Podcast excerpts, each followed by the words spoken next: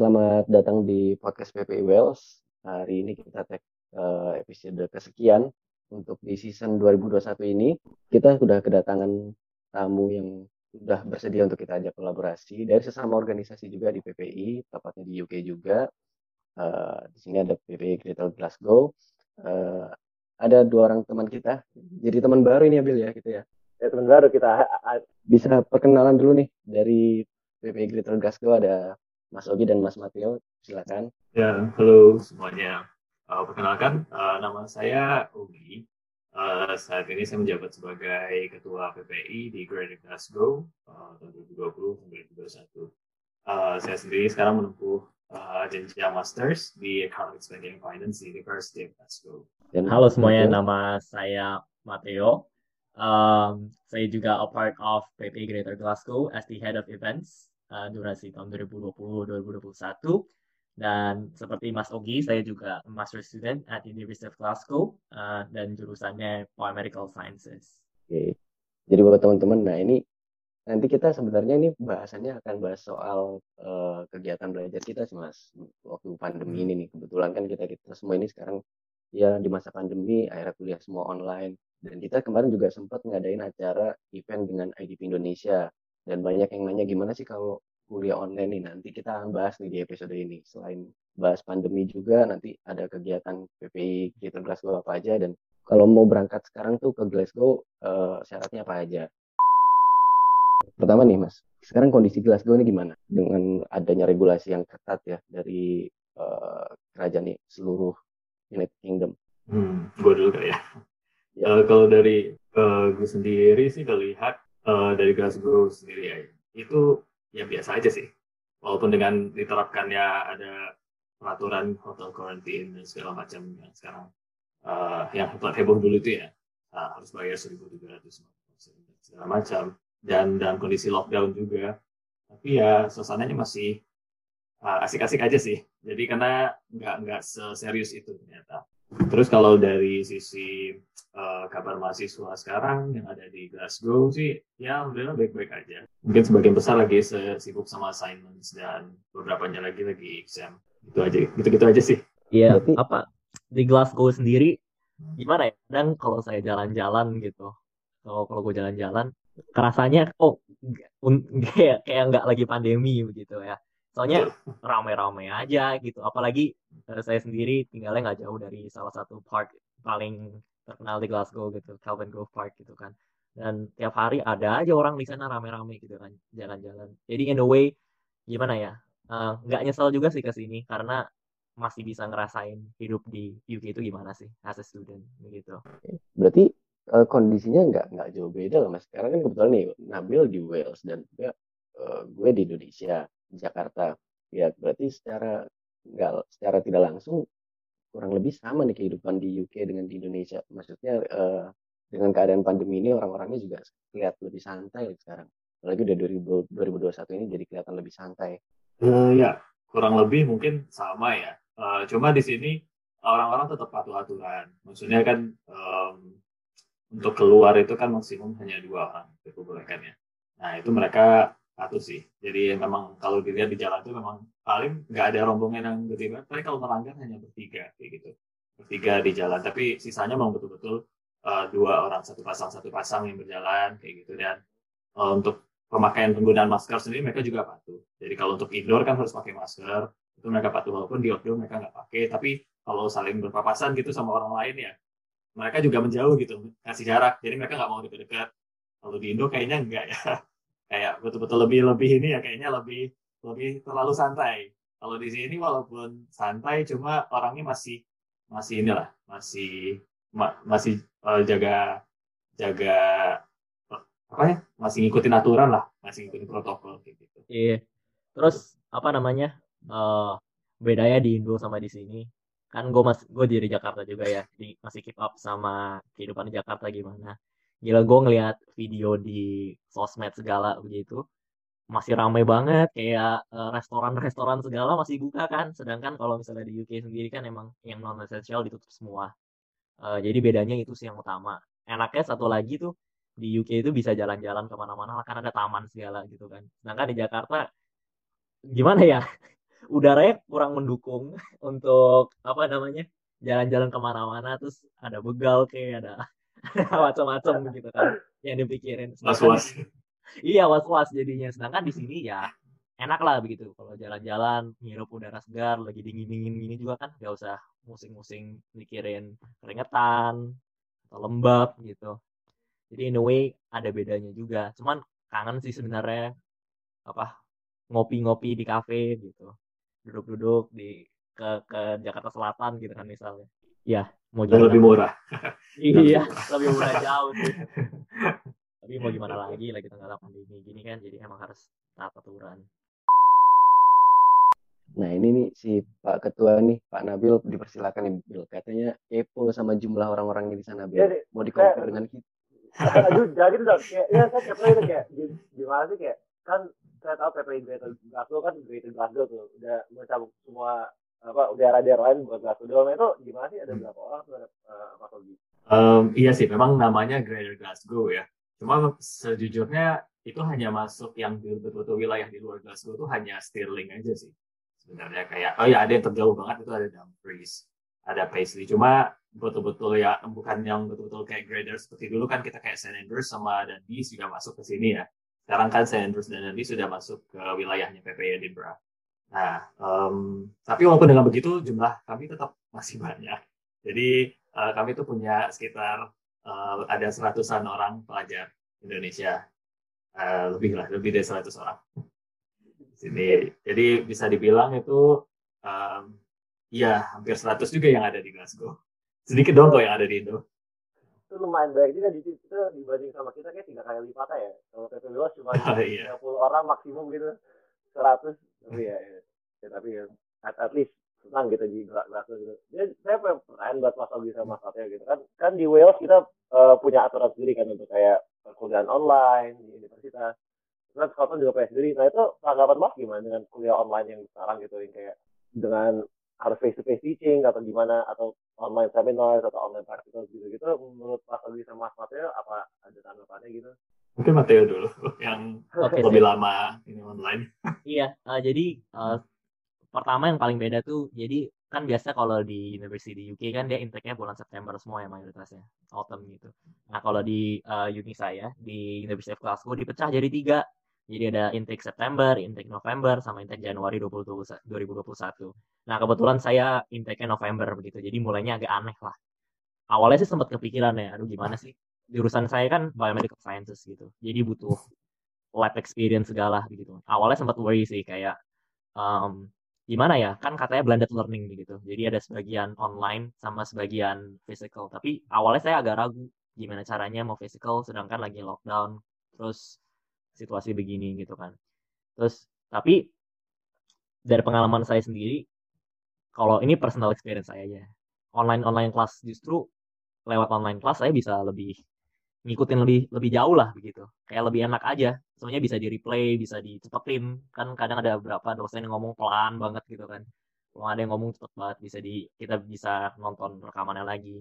Terus gue kayak ngerasa kalau nanya pertanyaan tuh lebih enak kalau online begitu. Karena gimana ya? Nggak senervous itu kalau in real life gitu kan. Satu lagi concern tergede itu tentang lab yang tadi gue sebutin itu. Nah kebetulan gue hoki banget. Uh, Desember masih dapat kesempatan bisa ke lab gitu kan. Desember awal begitulah. Dan ya dalam lab ya pakai masker segala. Dan lumayan itu tiga hari berturut ke lab terus. Sisanya sampai sekarang belum ada masuk face to sama sekali lagi. Karena ya kan varian baru covid ya jadi naik lagi kasusnya. Tapi uh, so far ya oke okay, gitu. Um, kelas-kelas online tutorial online seminar online dan ujian juga online. Baru minggu lalu saya ujian dan enak sih in a way 24 jam ujiannya kan. Jadi punya waktu buat apa namanya gimana ya? Buat ngerjainnya lebih lama lah begitu. Kalau dari gue pribadi sih ya seneng juga sih sama kayak Mateo juga di mana materinya tuh bisa diulang-ulang lagi ya. Nah beda nih kalau kita kuliah langsung kan harus niat nih ngerekamin dosennya dan segala macam. Belum lagi kalau dosennya ngomongnya slottish kan. Betul-betul aduh ini ngomong apa? Nih dosen ini kan sebenarnya kan jadi agak agak bingung ya kalau di sini nih uh, mungkin sama juga di beberapa kampus yang lain jadi mereka tuh bikin uh, asynchronous materials itu video yang pre-recorded ya video itu sudah pakai subtitle juga. Jadi buat teman-teman yang nggak paham bahasa Inggris kayak gitu, jadi uh, mereka ada subtitle jadi kayak nonton film gitu. Dan dosen-dosennya tuh niat banget buat ngeditin subtitle dan segala macam. Jadi enak sih. Jadi materinya bisa diulang lagi, bisa kapan aja. Terus kalau online sambil zoom kan bisa sambil makan ya. Jadi kan kalau di kelas kan nggak bisa ya. Jadi gitu ya, ya? enak sih. Cuma santai kayak gitu. Cuma kalau nggak enaknya ada juga sih. Jadi kayak kita nggak bisa ketemu teman aja.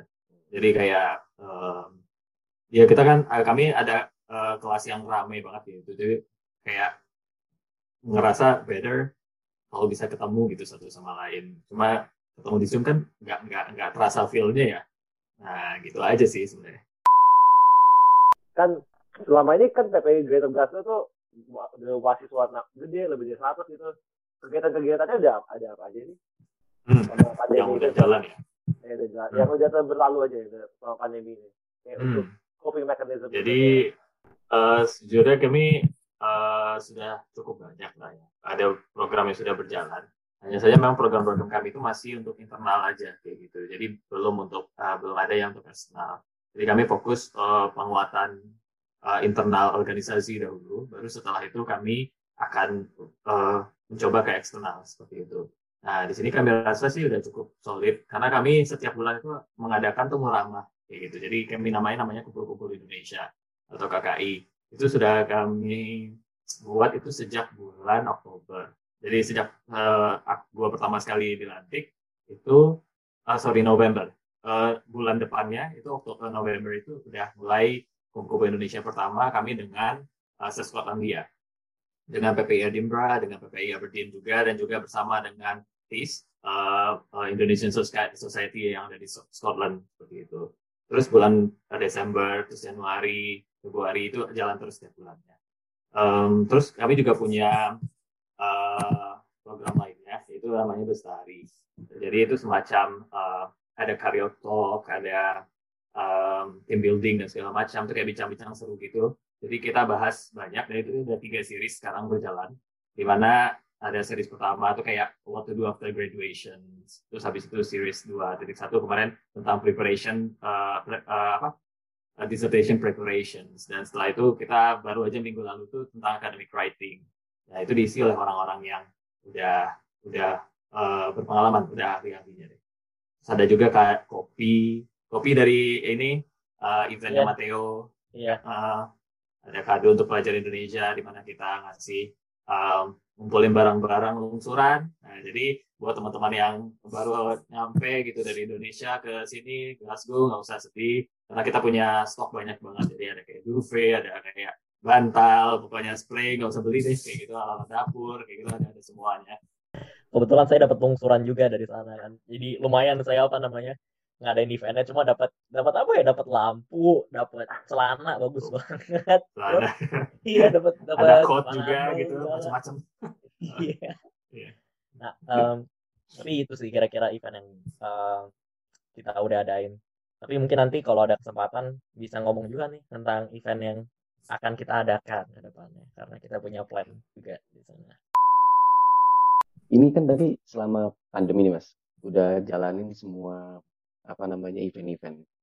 Pertama agak sulit nggak sih adaptasi secara uh, Nabil juga sebagai ketua pernah ngomong agak sulit juga nih gimana mengimplementasi acara-acara segini banyaknya ide tapi karena aturan sosial distancing lah terus aturan nggak boleh kumpul-kumpul susah nggak sih mas awalnya apalagi sebagai ketua nih gimana mas Ogi? Hmm.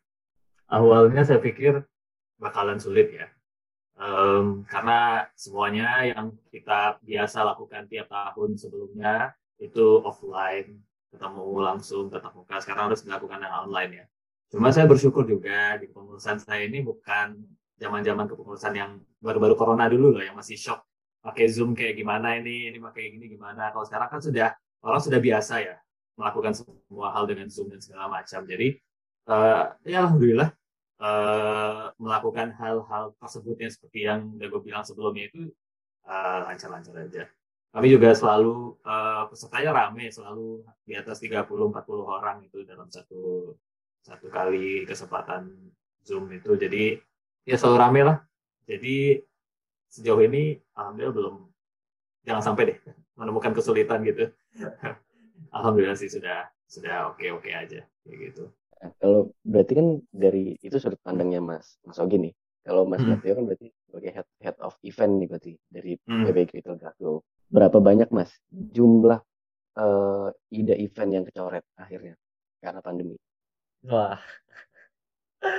Gimana ya ini ngomongannya mungkin agak panjang lebar. Soalnya um, jadi sekalian ngomongin PPI Skotlandia as a whole sendiri ya. Jadi um, kita punya event kolaborasi tiap tahunnya biasanya. Um, dan kebetulan tahun ini emang kolaborasi gede ya antara PPI uh, Greater Glasgow, Edinburgh, sama Aberdeen dan juga the Indonesian Society Scotland.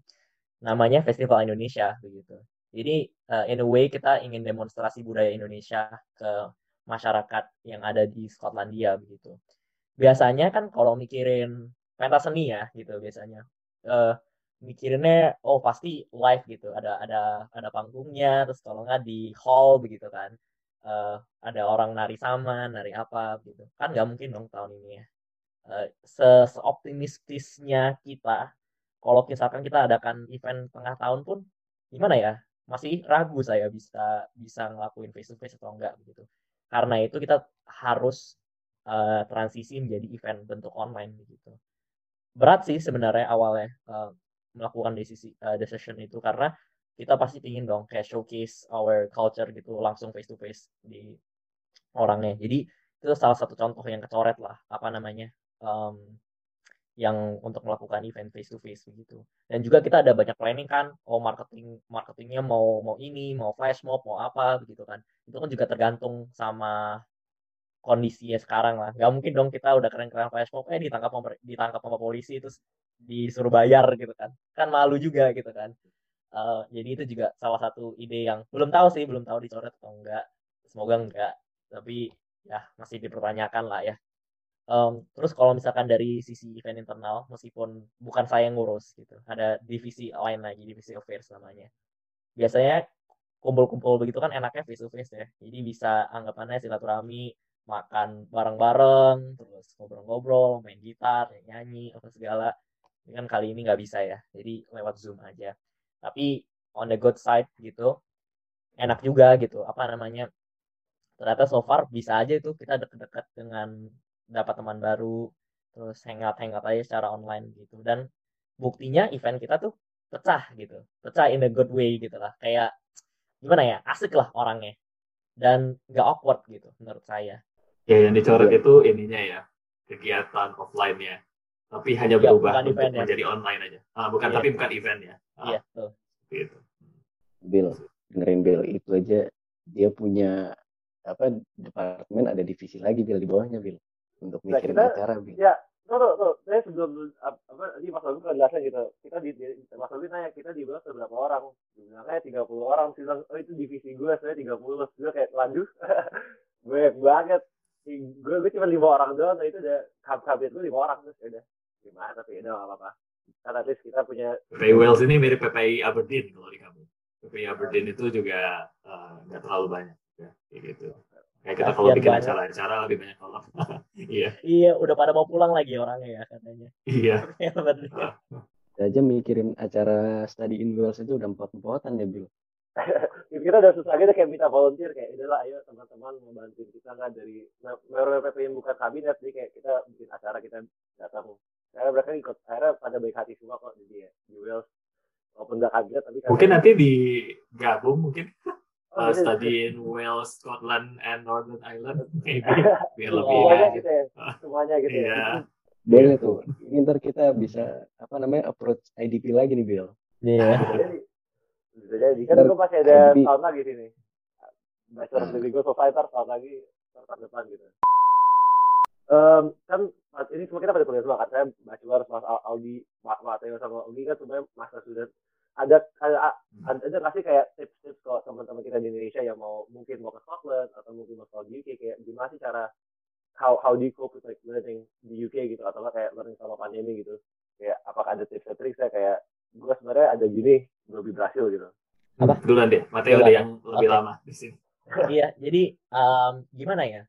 Salah satu challenge terbesar itu adalah ngatur waktu pasti kalau misalkan belajar di waktu pandemi.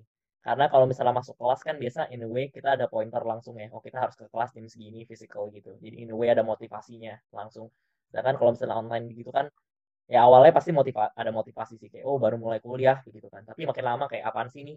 Kayak bosen juga gitu kan zoom zoom mulu nggak bisa ketemu teman-teman juga kan. Karena in a way kelas physical kan bisa bisa ketemu teman-teman juga kan hangout habis selesai begitu. Karena itu disiplin dan ngatur, ngatur waktu itu penting banget begitu. Jadi uh, apa saya cerita dikit aja. Waktu awal-awal awal-awal saya mulai kuliah bulan November gitu ambisius banget saya gitu. Sehari harus kerja 6 jam gitu minimal buat ngejar materi apa segala kan. Tapi setelah berapa lama saya kayak baru sadar jelek ternyata kebiasaan itu karena makin lama makin burn out gitu jadi anggapannya satu kerja satu hari kerja lama banget tapi besok besoknya nggak mau kerja sama sekali karena capek gitu kan jadi saya atur jadwal tiap hari maksimal belajar atau ngerjain tugas itu tiga jam aja gitu. Sisanya terserah mau ngapain aja, mau ngerjain kerjaan PPI, mau jalan-jalan, mau makan, masak, belanja gitu. Jadi dalam tiga jam itu saya benar-benar atur, benar-benar efisien kerja sama belajar aja. Gitu.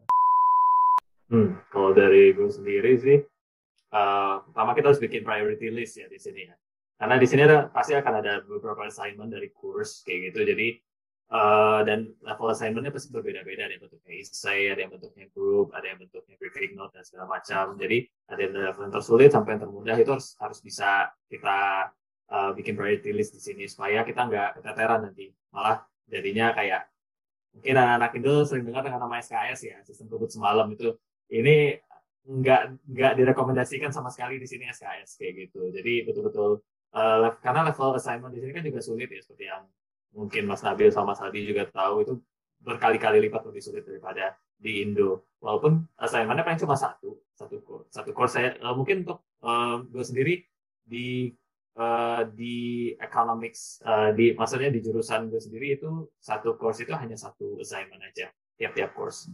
Nah, cuma satu assignment ini levelnya mungkin bisa 10 kali lipat. Uh, betul harus butuh banyak baca paper, banyak material dan segala macamnya. Jadi uh, ya priority list itu sangat-sangat penting sih untuk dibuat. Terus habis itu jadi jangan lupa buat uh, ikut-ikut course-course gratis kan dari kampusnya juga banyak itu yang membantu. Bisa bantu kita kayak buat academic writing dan segala macam itu jangan jangan lupa diikuti juga. Jadi uh, jangan main-mainnya aja kayak gitu. Cuma uh, yang basic-basic kayak gitu tuh penting banget apalagi buat kita orang Indonesia nggak terbiasa nulis nggak pertama nggak terbiasa nulis terus kedua nggak terbiasa juga nulis dalam bahasa Inggris apalagi kan jadi yang lebih, lebih sulit lagi nah jadi itu itu penting sih jadi harus diikutin terus ikutin award award gitu loh kayak di University of Glasgow sini ada kayak namanya graduate award ada award something award something yang bisa boost your CV boost your transcript kayak gitu. Jadi di mana nanti kalau award award ini masuk ke transcript dan segala macam tuh bisa menjual banget sih. Apalagi buat teman-teman yang nanti butuh bekerja gitu nanti setelah setelah uh, graduation. Jadi ya jangan lupa semuanya diikutin lah. Terakhir nih uh, sebelum kita tutup podcast ini uh, pengen tahu aja sih dari Mas Ogi dan Mas Mateo kalau dari Mas Ogi tolong jelasin juga nih buat teman-teman dari Indonesia yang mau berangkat ke Glasgow uh, summer ini atau mungkin next winter terus sekalian Mas Mateo planning acara ke depannya yang terdekat nih promosiin dipersilakan hmm. dari gue dulu ya buat teman-teman yang mau ke UK lah mungkin hanya ke Glasgow aja ya. Eh atau gue spesifik di Scotland ya. Uh, Scotland ini kan um, uh, aturannya kadang beda Iya sama dengan Wales mungkin ya beda beda sendiri dengan England dan segala macam ya. Untuk saat ini memang masih ada ketentuan hotel quarantine dan segala macam. Cuma kita uh, optimistik kalau misalnya nanti summer udah udah nggak ada lagi. Jadi um, saran saya sih ya nggak usah takut sih. Jadi kalau mau kuliah di UK tahun ini ya ya kuliah aja gitu daftar aja gitu nggak usah nggak usah ragu-ragu kayak gimana karena UK nggak um, pernah tutup border ya se sejak uh, maksudnya saat ini tidak pernah tutup border sama sekali beda dengan negara uh, Australia dan segala macam yang masih tutup bordernya sampai saat ini. Kayak gitu. Jadi nggak usah takut. Terus uh, habis itu uh, ya jangan lupa tetap ikut protokol kesehatan. Jadi mungkin kalau di Indonesia uh, longgar terus di sini juga longgar terus kayak lepas aja gitu. Jadi kayak betul-betul uh, bebas sama sekali nggak juga. Uh, jadi tetap harus ya, ikuti protokol kesehatan. Karena di sini uh, vaksin juga belum roll out ya buat keseluruhan orang, jadi masih buat lansia doang. Beda dengan di Indo yang beberapa PNS malah sudah dapat vaksin dan tukang ojek katanya juga sudah dapat vaksin ya di sana. Di sini belum, jadi ya agak berbeda, jadi disesuaikan aja perbedaannya. Mungkin itu aja sih kalau misalnya uh, soal Scotland sendiri. Oh iya, kalau untuk hotel karantin, kalau misalnya uh, mau datang ke Scotland uh, dalam waktu dekat ini, uh, itu bisa via England. Nah, soalnya kan yang memperlakukan red list uh, itu kan hanya England ya. England kan ada kalau bisa kita baca itu ada 33 negara red list. Indonesia nggak termasuk kan. Nah, sedangkan di Scotland sendiri itu seluruh negara termasuk. Nah, jadi negara-negara mana pun yang mau masuk ke Scotland itu harus hotel quarantine dan bayar 1.750 pounds itu. Cuma kalau via England datangnya seperti ada teman gue kemarin baru datang. Jadi dia via London gitu terus ke Scotland itu aman. Jadi uh, transit dulu lah di England terus habis itu masuk ke Scotland aman. Tapi kalau langsung dari ke Scotland dijamin nggak aman. Nggak aman duitnya maksudnya. Nah kan tadi ada ngomong tadi in Wales ya. Kebetulan kita dekat-dekat ini dalam berapa lama 24 hari gitu masalah kita akan adakan event namanya Ready Set Glasgow wah keren nih namanya. Terus jadi uh, intinya kita akan promosiin Glasgow Greater Glasgow area as a education destination begitu karena mungkin orang kalau dengar Scotland tahunya Edinburgh ya. Glasgow tuh kadang suka di skip malahan gitu. Padahal kotanya gimana ya teman-teman saya sendiri banyak lebih prefer Glasgow sih dibanding Edinburgh. Kalau misalkan teman-teman dari PP Edinburgh denger ini no offense ya tapi kayak oh, ini ini ini pasti offense. Enggak enggak lebih apa namanya lebih saya sih saya sih lebih prefer Glasgow ya. Tapi uh, I digress. Um, jadi eventnya ini promosiin um, Greater Glasgow as a education um, destination. Jadi kita ada perwakilan dari University of Glasgow, University of Strathclyde, dan juga University of Stirling begitu. Dan kita akan uh, share pengalaman-pengalaman di sini, dan juga akan ngelakuin Q&A dan kebetulan kita ada collab nih sama apa namanya education agency juga Sun Education begitu.